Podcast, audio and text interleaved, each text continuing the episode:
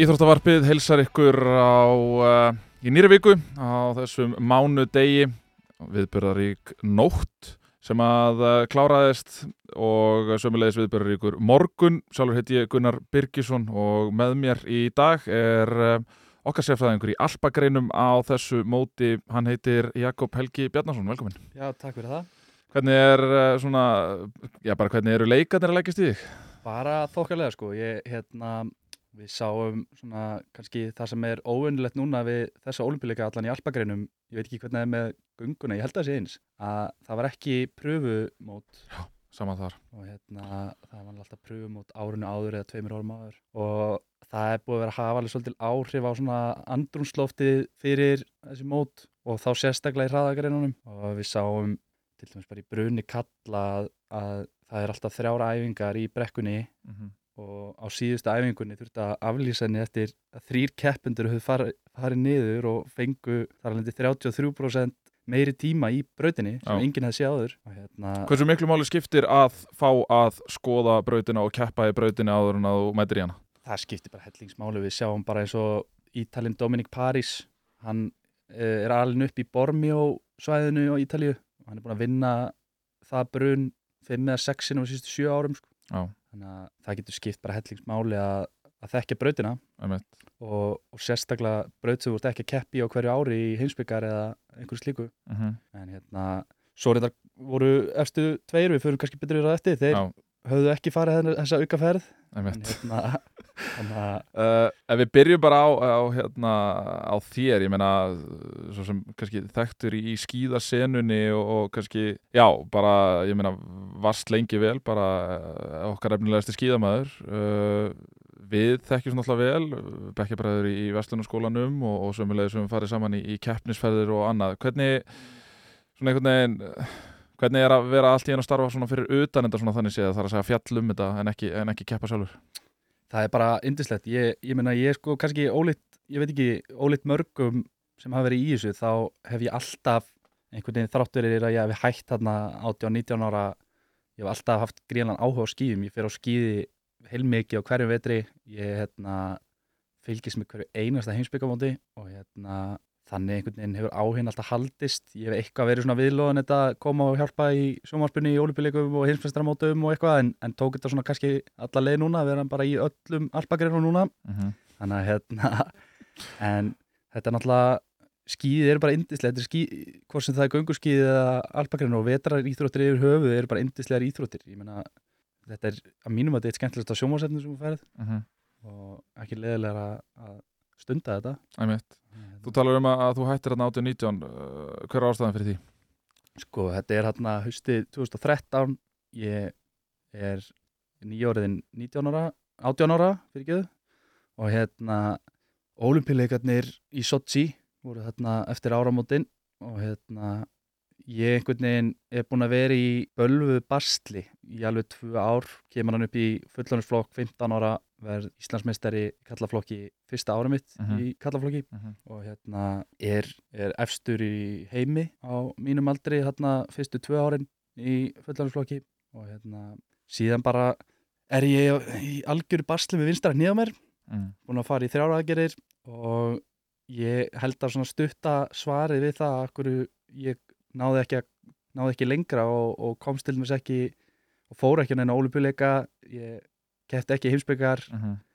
er bara því að ég hafði ekki hafði ekki hausin í það að takast á við það Mhm. að vera alltaf að komast tilbaka og meðslum, vera búin að missa skiluru kannski marga mánuði út úr æfingum ég var búin að missa í raun og veru tvö ár af æfingum á mikilvægasta tíma félagsins þar sem þarft að vera að byggja upp bæði styrk og, og tækni. Og mér fannst ég vera búin að falla svolítið mikið aftur og hafði bara ekki hugafæri í það að, að komast upp úr því. Ég meina bara svona þannig að fólk átti sig á því á hvaða stað þú varst komin, ég meina þegar að þú skrifar undir samning við, við skíða framleiðanda Atomic uh, sem er hvaða ár? Það er 2010 Einmitt, uh, þegar þú skrifar undir þann samning að þá eru þeir sem er leiðis að gera samning við, við Mikaelu Sifrin já, við erum jakkumul við Sifrin mm. og hérna þekkjumst ágætlega en hérna en hérna kynntumst náttúrulega í gegnum Atomic og þeir taka okkur tvö inn sem svona efnilegustu skíðamennina í heiminum og hérna svolítið skrítið það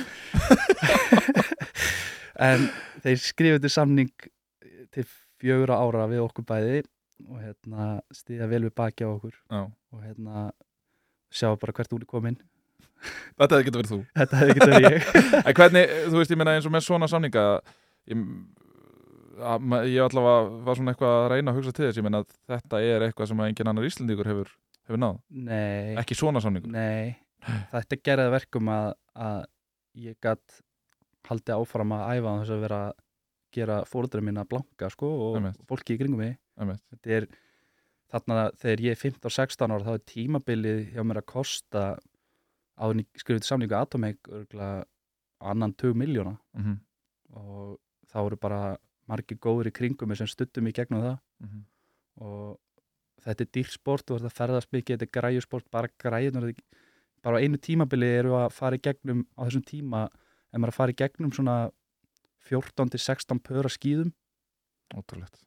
Og þau endast bara eitt tímabil. Og þessi skýði sem maður er á þarna er ekki skýði sem hún kaupir út í búð.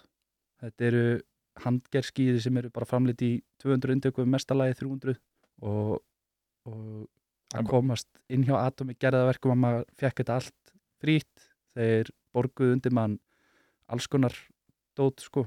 Og, og maður fekk þarna pening til þess að borga ferðalög og, og alls konar svoleið sko. Einmitt. Uh, ég meina þetta er svona ég man að maður kom til þín þarna, þetta, einmitt eftir að ný, þegar þú varst nýbúin að skera undir hennar samning það var eins og Atomic verksmiðan hefði te- tekið festu í bílskúrdum heimi höður en ég meina, en þú talar um þessi, þessi skýði að þau séu öðruvísi heldur en, heldur en þessi vennilegu skýði sem að fólk kaupir út í búð. Hver er svona kannski fyrir hinn almenna áhuga hver er, hver er svona mesti munurinn á skýðunum það sem það gera er að, er að þessi skýði fyrir þessa keppendur sem eru á samningjáðum þau eru smíðuð bara einum gæja sem er bara bestur hjá þeim og flest keppniskýði frá til dæmis Atom eru smíðuð versmiðum í Austur-Európu og þessi skýði eru bara smíðuð í, í, í rétti á flakká í Já. hérna, hjarta Austuríkis mm -hmm. og þeir nota dýrari efni í, þetta er svona lagskipt skýði þannig að þú ert með titanium lag þú ert með uh, alls konar lag timburlag, þú ert með plast ert, þannig að hérna, þeir nota dýrari efni og, og síðan kannski það sem skipti mestu máli eins og fyrir mig var að ég var að keppa í öllum greinum.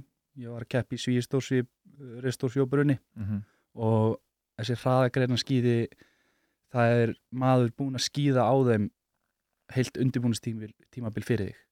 Já, já, já. og það er náttúrulega rándýrt að fá einhvern í það. Og Hver, þú veist, af hverju, af hverju, af hverju þarftu að fá einhver til að gera það fyrir þig? að því að þú þarft að bera undir þau vaks og svo þarft að skýða á þeim til að taka vaksi í burtu og bera aftur undir þau þannig að það er bara gæi sem fer í einhver brekku í Austuríki og rennir sér niður á skýðunum í 20 daga eða eitthvað í 2 tíma dag og er með náttúrulega skýði frá öllum eh, sem eru á samlingi átum og er að, eru nokkri í þessu Mm -hmm. Og svo er þeir bara bera undir og jafn og þetta og þá byggir upp svona lag á botninum og skíunum sem gera verkum þau renna mun hraðar sko. Ég veit ekki hvernig það er í göngunni Þetta er allavega ekki, ekki svona ítalægt en ég meina þar líka viltu en það er alveg rétt að það er, það er svipað í göngunni með það að þú ert náttúrulega ekki kannski að láta þessar toppstjörnur hafa sömu pör af skýðum eins og eins og uh, þú lætur almenning hafa en, en, en svo náttúrulega þar, þar getur verið svona misheppin með bara skýði þetta er, þetta er alltaf ákveðið svona gaml ef svo má segja að þú svona getur aldrei gengið að því vísu að þú sért að fá topp par í hendurnar. En, en þetta er þetta líka eftir í hvernig, hvernig smurningsmenn vinna skýðin uh, vinna struktúrin í skýðunum og annars líkt þannig að, hérna, það er kannski efni bara í, í sérþátt sér þátt, sko. Já. Herðu, hérna þú varst mættur hérna í gærnótt til þess að lýsa bruni Já, þetta er búið að vera martröð að lýsa brunni kalla. Ég mætti hérna í gærnótt um tvö litið og brunni átt að byrja hérna upp úr hálf þrjú uh -huh. og svona um það leiti sem ég mæti þá er okkar fresta um klukkutíma.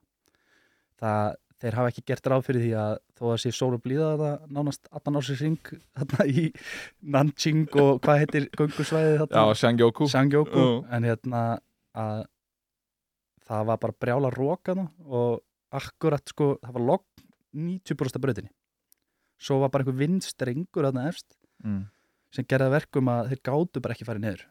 Já, þú getur ekkit bóðið mönnum upp á það að fá vindguð undir skíðin þegar þeir eru að svífa yfir hæðirnar hana og, og þeir frestu um klukkutíma og frestu svo aftur um klukkutíma og frestu svo í þriðja skipti um klukkutíma og loksins ákveður að frestu þessu uh, um sólarring Já. og þá fór ég heim og kvildi mig vel. Mm. ég er komin á kínuverska tíma, ég úrið mitt er hérna klukkan er uh, 509 hérna, hún er 501 hérna á Íslandi. 101, já. þannig að hérna Þannig að þú bara, komin á kynverska tíma. Já, ég er bara að fara heim að leggja mig núna eftir þetta. Uh, Þú var síðan mættur aftur í nótt og ef við kannski byrjum bara á stórsvíi kvenna. Já, ég veit ekki alveg hvað ég á að segja ég er ennþá bara í pínu áfalli eftir sérstaklega fyrirferðina þarna mm -hmm. uh, sko færið þarna er mjög gott og sko við verðum að gefa kynverðum það að mikið af því sem er búið að gera þarna er, er frábært og Þetta er náttúrulega tilbúin snjór Já, það er ískalt þarna en það snjóar ekki, þannig að þetta er allt framleitt snjór uh, sem gera verkum að þetta eru bara með betri aðstæðar sem þú færð í alpagreinum varandi færi sko. Snjórn er svona, það sem við köllum gripi skíðin er með auðvelt með að grípa snjóin og, og hérna, það sem að það sem að gerist þarna í stórsvíði kvenna er að maður var búin að vera að býða og lesa og maður getur ekki kveikt á sko bandarísku sjónvásefni á þess að sjá auðlýsingar með Mikaela Sifrin Rosalega stórt nafn. Hún er rísanab Hún er örgulega bara stærsta nafnið á, á leikunum. Ég myndi halda það Ég myndi, já, ég, ég og Þorkell vorum að ræða þetta einn í fyrsta þetta og ég er svona aðeins búin að vera að skoða þetta og það er bara, þú veist, þegar þú ert komin inn á annan bandarækjumarka þá keppir enginn við þig, sko. nei, þú veist, og maður einhvern veginn bara veist, ég er búin að vera að lesa mikið á, á þessum frétta síðum í kringum þetta og það er eiginlega bara, þú getur ekkert lesið um neitt nema hana Nei. og svo fer hún alltaf stað og í fjóruðu beigju gerur hún bara byrjandamistök Mm Hvað er það sem gerist? sko, hún setur hún mikið þunga á innra skíðið í fjóruðbegju og dettur á mjöðvina á hérna, innra skíðinu og rennur bara niður brekkuna og bara dett dottinuleik og þetta er svona mistök sem þú gerir þú gerir þetta alveg stundum á æfingum þú veist, þú, ef þú ert að, ef þú ert að prófa að áfram eitthvað og, en á hæsta leveli hjá bestu skíðakonu samtímans Mm -hmm. þá er bara sorglegt að sjá þetta gerast sko. Nú maður sé til dæmis bara eins og ég menna við sáum nú bara síðast með, með Simon Biles á, á olimpíuleikunum í Tókíu að þa- þar var mikið talað um þennan, þennan kvíða og, og hún fann það að, að það var mikil ábyrð sem að var á hennar herðum að koma heim með gullið og eitthvað svoleiðis. Heldur að þetta sé heldur að þetta sé stress sem er að segja þetta til sín hjá Mikael Sjöfrin einhver keppniskvíði? Það er ekki náð til en að ringa til mér finnst erfitt að ég held að þetta frekar þá eitthvað bara einbyrningaleysi og ég, ég bara veit ekki hvað ég að segja um þetta sko. er hægt að vera ofgóður í einhver? Heldur hún sé of heldur hún meina- hafi haldið bara að hún væri ofgóð að það væri ekki hægt að vinna hún lendir í því núna í vetur að keira út í heimsbyggjar í fyrsta skipti í fjögur eða fimm ár sem er bara eitthvað það er bara rugg, það er bara met heimsmet, bara, það var enginn á þessu áður. Og hún saði viðtalið það að hún bara, hún vissi ekki hvað hann að gera við sig. Hún er bara ekki vönið að gera þetta.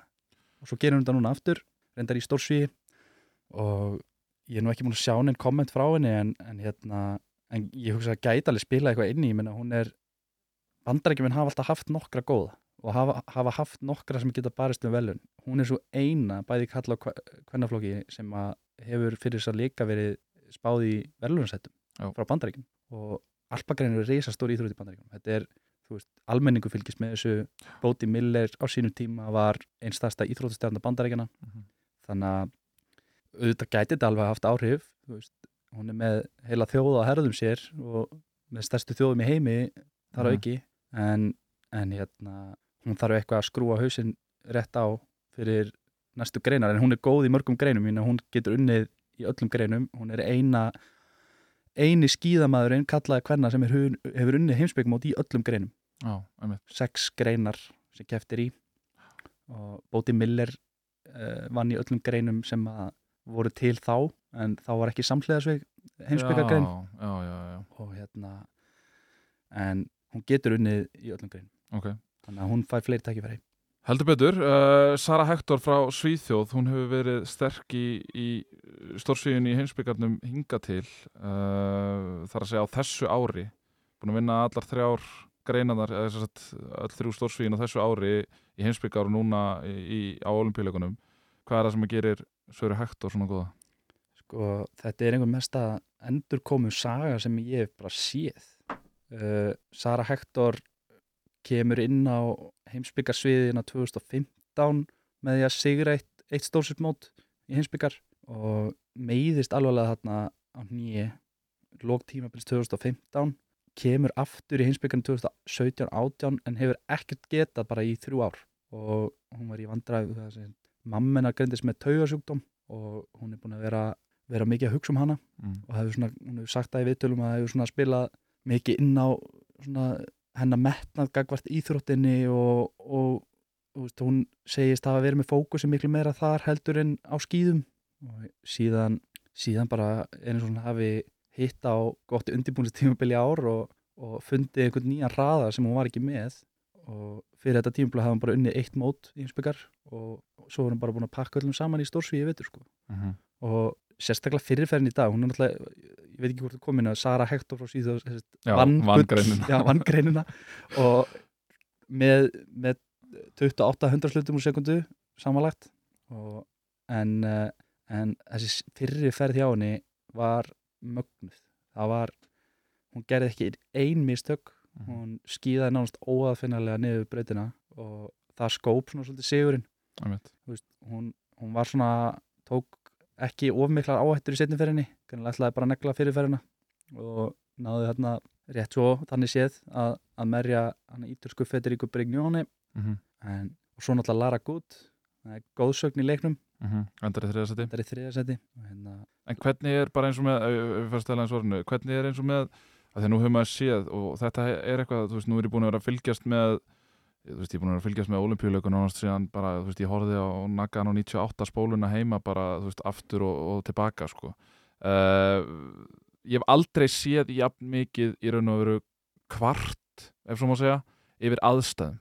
Ég hef aldrei séð jafn mikla umfjöllun um aðstæður eins og á þessum leikum. Uh, flest neikvætt og það, nú er ég bara að tala um frá keppendum ég burt sér frá öllu því hvað hva mér eða þér finnst uh, hvernig eru alpakarna menn að takla þessar aðstæður sem eru þarna í uh, Beijing þeir eru annarkvort að kvarta og væla og, og eru að gaggrina hitt og þetta en það hefur ekki skilað neinu Nei. og horfandi á þetta það var ekkert að aðstæðum hérna í Alpagrinn uh, ég er búin að heyra frá Erlu Áskistóttu vingunum minni sem er hérna hluta íslenska teiminu talaði við hana í dag. Uh -huh. og hún er hérna í Olbíðþorpinu í Nanjing á Alpagrinnarsvæðinu og hún sagði að þetta væri bara mjög fínt þú veist, færi væri mjög gott þú veist, það væri ekkert að neinu varandi, þú veist, lifturnar eða, eða svæðið eða, eða neitt. Og ég held, ég veit ekki hvað þetta er sko, að, en ég held að muni ekki skila neinum árangur á þessu leikum ef hann heldur áfram að væla yfir, yfir aðstæðum sko. Heldur betur, heldur betur. ég held að fólk þurfi bara, þessi keppindi þurfi aðeins að rífa sig í gang. Við sáum að Hittil Jansrud normaðurinn, hann er að keppa sín síðustu leikum hann er 36 ára, búin að vera mittur mikið. Náttúrulega mark velunaður á olimpíuleikum og hinsmestaramótum og öllu. Og hann strax eftir fyrstu æfingu segir, hann var búin að vera að væla í, í, í þrjár vikur fyrir leikana að Mhm. þetta væri fáralegt að vera að fara þarna og vissu ekkert hvað er að fara út í og brautin var auðvitað umulega og allt þetta Mm -hmm. og mætir að leikana fyrsta æfing mjög sátur, bara miklu betur en ég bjóstu við, flott, eitthvað Mm -hmm. svo er þessi, þessi, þessi meinti skandall þarna á þriðju æfingun í brunnu Já, þegar að Alexander Omot Kilde Kristoff Innerhofer og Mattias Mæger fá skíðinu brautina fyrstu þrýr og svo er æfingun slauf út af vindi það býr samt til svona eitthvað svona ójöfnu já, séð. það býtur ójöfnu en það er ekki neitt neinum kynverja Nei, nei, nei, það, er bara, það- það er bara austuruskur mótstjóri sem Já. tók það ákvörðun En og- það er þá út af aðstæðum Já, og ég meina, hann sagði, mótstjórinn sagði bara, ég þú veist, ég er ekkert að fara að riska hérna veist, stór slasist hérna á minni vakt, sko. algjörlega, Og, algjörlega. og, en eftir það, þá kemur Kitty Ljansson til dæmis svo bara, veist, kvartar og kveinar Mm og segir þetta allt sé umulegt og þetta sé skandall Mhm. og, og það fór ekki betur en svo að hann fór svo illa í hann að hann nefndi ekki einu svona keppa, sko. Já. Hann Hvernig- tók ekki þátt í nótt í brunnu. Ef- Fyrst við erum konur í brunnið uh, Við vorum með nokkuð gamlan svona með, mikinn, uh, háan meðalaldur á pallinum í brunninu Já, Akkur eru menn góðir, þú veist, ég meina Svo sem Sko- endar, sá sem endar í öðru seti er 41 ás já, Jóhann Klari náttúrulega þú veist, það er, við þurfum að taka heilan tátt um hann sko hann er, hann er 41 árs og lendir í öðru sæti hérna í dag hann, Hvernig er það hægt í svona uh, hraðakrein? sko, hann er náttúrulega bara eitthvað sér kapitulu út fyrir sig, þú veist, það er á ekki að vera hægt Mm. þú veist, hann, hann var aldrei eitthvað í efstu röð í heimsbyggar búin að keppa þarna náttúrulega í þú veist, ég held að þetta sé 23. tímabilið hans eða eitthvað og hann byrjaði ekki að geta neitt fyrir, fyrir þreymur árum sko. Mhm. og byrjaði þá fyrst að, að ná sér í velunapalla og, og segra í heimsbyggar og það sem að ég held að hafi gert að verkum að þessi reynslu boltar Beat Foyts vinnur. Uh, Beat Foyts er búin að vera myndir segja, ja, besti brunmaðurinn síðan bara Didier Kús hætti hérna um árið sko. Veist, það eru, við erum að tala um 6-7 ár sko. Já. og Beat Foyts er algjör einslubolti svona kuppur, ekkit sérstaklega hávaksinn, alveg fáralega þykkur og flottur sko. Og Jóhann Klarey náttúrulega 41 ás með all- náttúrulega endalusa reynslu og Mattias Mæger náttúrulega með gríðarlega reynslu líka. Hann er Já. yfir 30 og, og hefur unnið til velun núna á þremur ólimpíuleikum í röð. Og sko þegar þú ert komin hann í brun í brekku sem enginn hefur skíðið áður það þekkir enginn brautina þá getur skipt máli að vera með þessa reynslu. Já. sáum Marko Odermatt sem er svona mesta upprennandi nafnið í alpagreinum í dag. Hann leiðir heimsbyggarinn samanlatt fyrir leikana.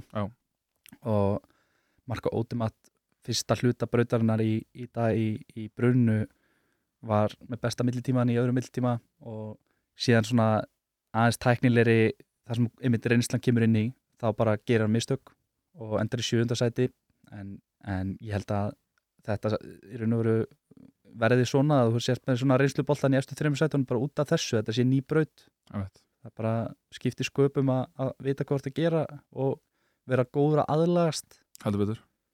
Uh, það var sömu leiðis keft í, já, til dæmis skautahlaupi þar sem að Íren Vúst frá Hollandi tók sín uh, sjöttu gullvelun og hún er þá búin að vinna gull á sex, á segi ég, fimm mismunandi leikum uh, og er fyrst vetrar ólimpíu íþróttamanna til þess að afrega það að Íren Vúst er núna komin með sex gullvelun sem er það næst mesta ef við tökum bara þjóðirnar, þá er Hollandingar efstir með 23 gullvelun, það er að segja með þessum 6 gullvelunum frá Vúst, Írun Vúst er síðan með 6 og svo er Kanada næst með 5 gullvelun þetta er bara svo Noregur í göngunni. Þetta er svona svolítið þannig sko, þetta er svona algjör yfirbyrðir Írun Vúst er, er, þetta eru síðastu leikarnarinnar uh, og það var svona, talaðum það mér þess að með hana og, og fleiri svona Sean White og uh, í snjóbrettunum að hvað væri gaman ef, ef að eitthvað af þeim myndi ná einhverjum svona árangri og, og hérna, Írun Vúst bara, hann bara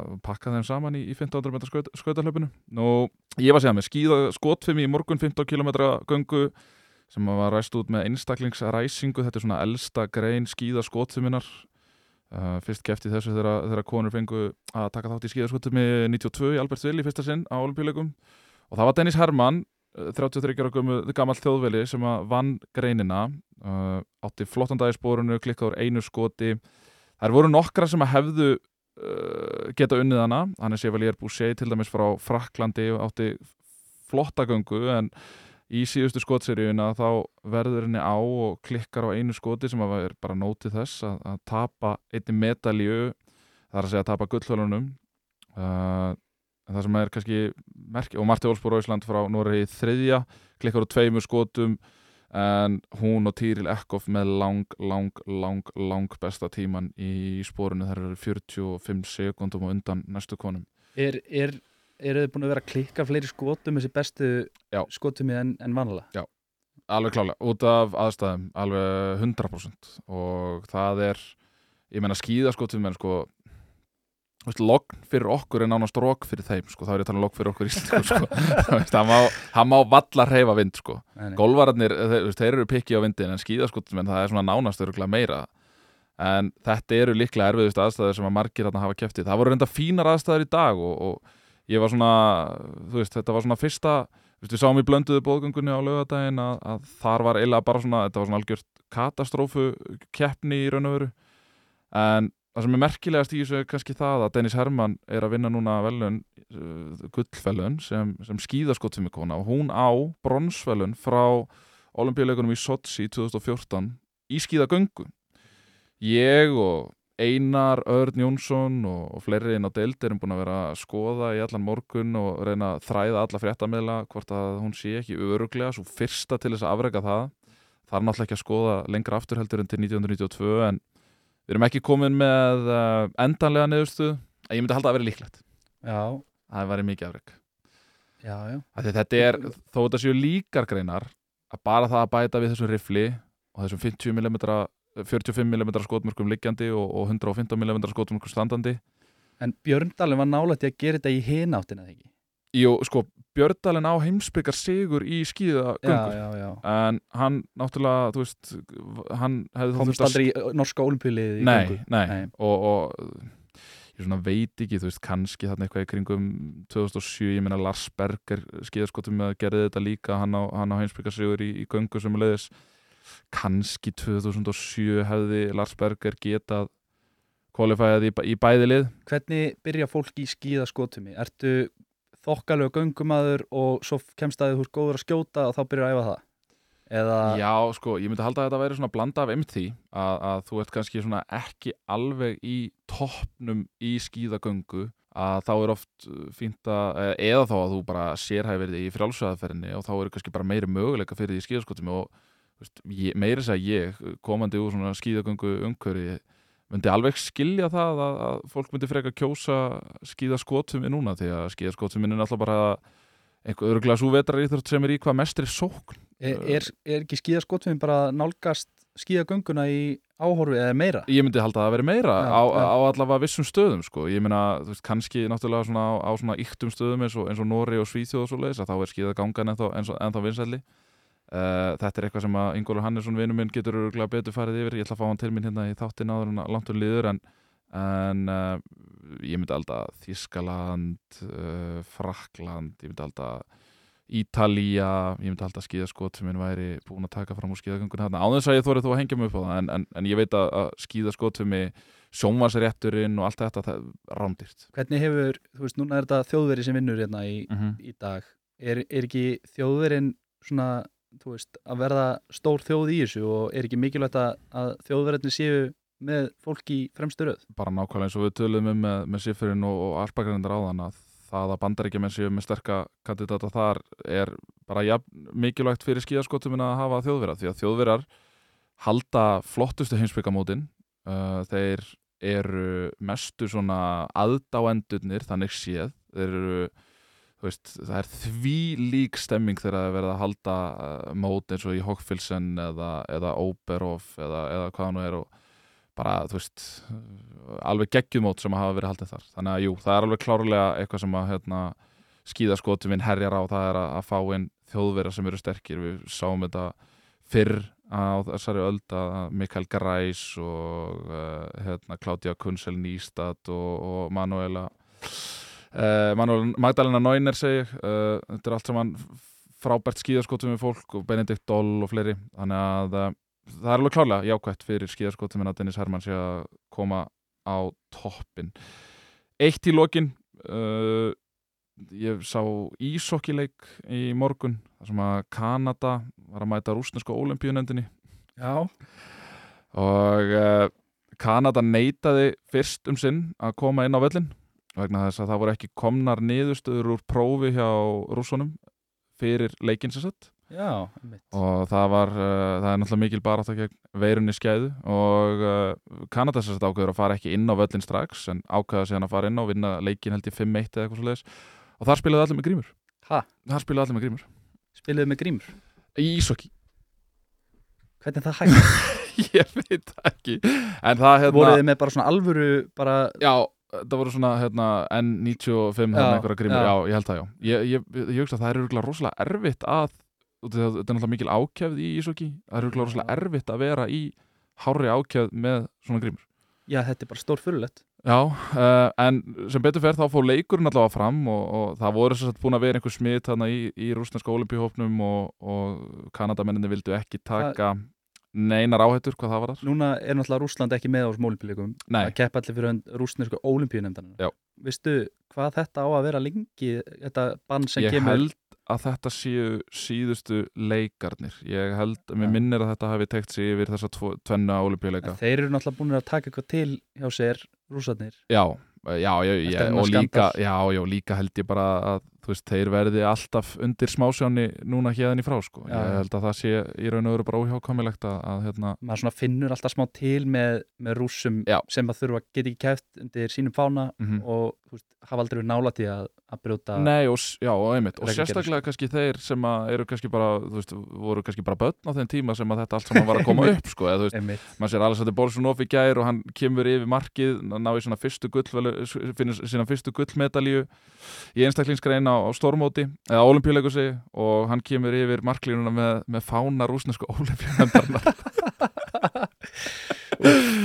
en hérna, uh, uh, nú ætlum við aðeins að ræða Íslendingana, bara svona rétt undir lokin. Uh, Hólfríður Dóra, hún fer út í sömu beig og Mikaela Sifrin. Já, sko, þetta er náttúrulega þeir léku okkur ansi grátt þarna útsendingastjórarnir út í Beijing við hérna, eftir 31. keppendur í, í stórsvíði þá byrjar að keira keppendur með 40 sekundar millibili þó að brautin sé meir en mínúta. Og þannig að við sjáum aldrei efsta hluta brautarinnar. Og við erum hérna, ég er búin að vera að hita upp fyrir að nú styttist í hólfríði og, Já. og, og svo er bara skipt yfir á keppandar sem er dottinn hérna í efsta hluta brautarinnar eftir fjögur hlið. Og ég svona tekum mig smá tíma átt að með á að þetta sé hún og, og hún dettur hérna síðan er það endur sín sem betur vera en við, við sjáum hérna hvað gerist en henni hlekkist bara á þarna þetta var gríðarlega erfitt, það voru sko uh, eitt fjórið keppanda sem að datt út þarna í efstu fimm beigjón af 45 beigjum sko. þannig að hérna hvað hefði verið svona eða, nú verður veila bara að fara í ef að hefði fyrst hún kláraði ekki en, en hvað hefði verið svona að þínum að þetta ásættanlegur árangur fyrir, fyrir hólfríði í þessari sko, hún hefði verið sátt við efstu, mjög sátt við svona efstu 40 sætin en ég held sko með að við það að hún kefti á heimsvistaramótinu fyrir ári síðan í Cortina og það er svona svipaður hópur af keppendum, það er Mm. líka kvóti frá löndum, þannig að við erum ekki með 15 austuríkismenn hérna í efstu 30 sætunum skiluru og þar lendun í 30. og 4. sæti held ég Já. þannig að eitthvað í kringum 30 hefur verið mjög flott og það var flottur árangur hjá henni á heimsvistaramótinu sko. Þannig að hérna þannig að við vonumst bara til að sjá hana en, en hún á tvær greinar eftir. Uh, hún er að keppi í svíi sagt uh, eftir tvo daga. Já. og svo í risasvíi eftir fjóra daga. Þannig að hérna svo er það aðeins lengra í Sturlu. Hann alltaf greindist með COVID. Mm en það er það langt í, í hans greinar. Já, hann, hann mitt sagði það við vitali gæra Já. að hann gæti jafnvel náði já, allan að svíinu. Einmitt. en við fyrir að slá botnin í þetta spjall í Íþróttavarpinu þennan daginn. Uh, það er nóframöndan hjá þér, hvað er næst? Heru, það er risasvíi kalla í nót klukkan? uh, það er klukkan uh, þrjú, Já. 2.50 hefst úrsending og hérna það er bara svona svipar hópur og var að keppa í brunnu. En náttúrulega þeir sem að fylgjast með á rúf þeir gátt ekki séð það og geta ekki séð það, það er ekkert að horfa á þetta á tímaflækinu. Nei. við bara fengum ekki gerðun þetta signalið Því miður, það var bara þetta er, þetta er það eina sem að óveðri tók frá okkur í raun og veru hér allavega. Já líka þetta var sko gerðun þetta signalið datt út í einna hóllan tíma akkurat á meðan að brunni var í gangi. Þannig að hérna, þreytandi. Já já. En það er Mjög þreytandi. Rísvík í nótt og það er bara náttúrulega mjög spennandi. Já. við erum bara með ég, ég spá að marka ótum að taki það. Þú ert mikill ótumatt maður. Nei, ég bara, þú veist, hann er bara ókslega góður.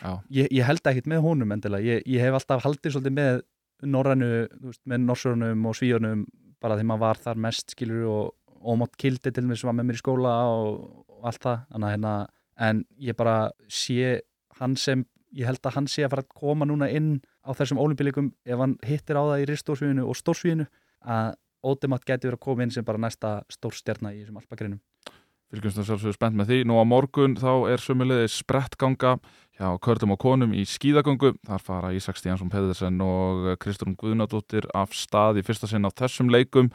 Nú og svo sjálfsögðu í kvöld klukkan 8 er komið að Ólimpíu kvöldi, fyrsta Ólimpíu kvöldið á þessum leikum. En ég heiti Gunnar Birgisson og með mér í dag var Jakob Helgi Bjarnason. Íþróttavarpið verður ekki lengra að sinni verið sæl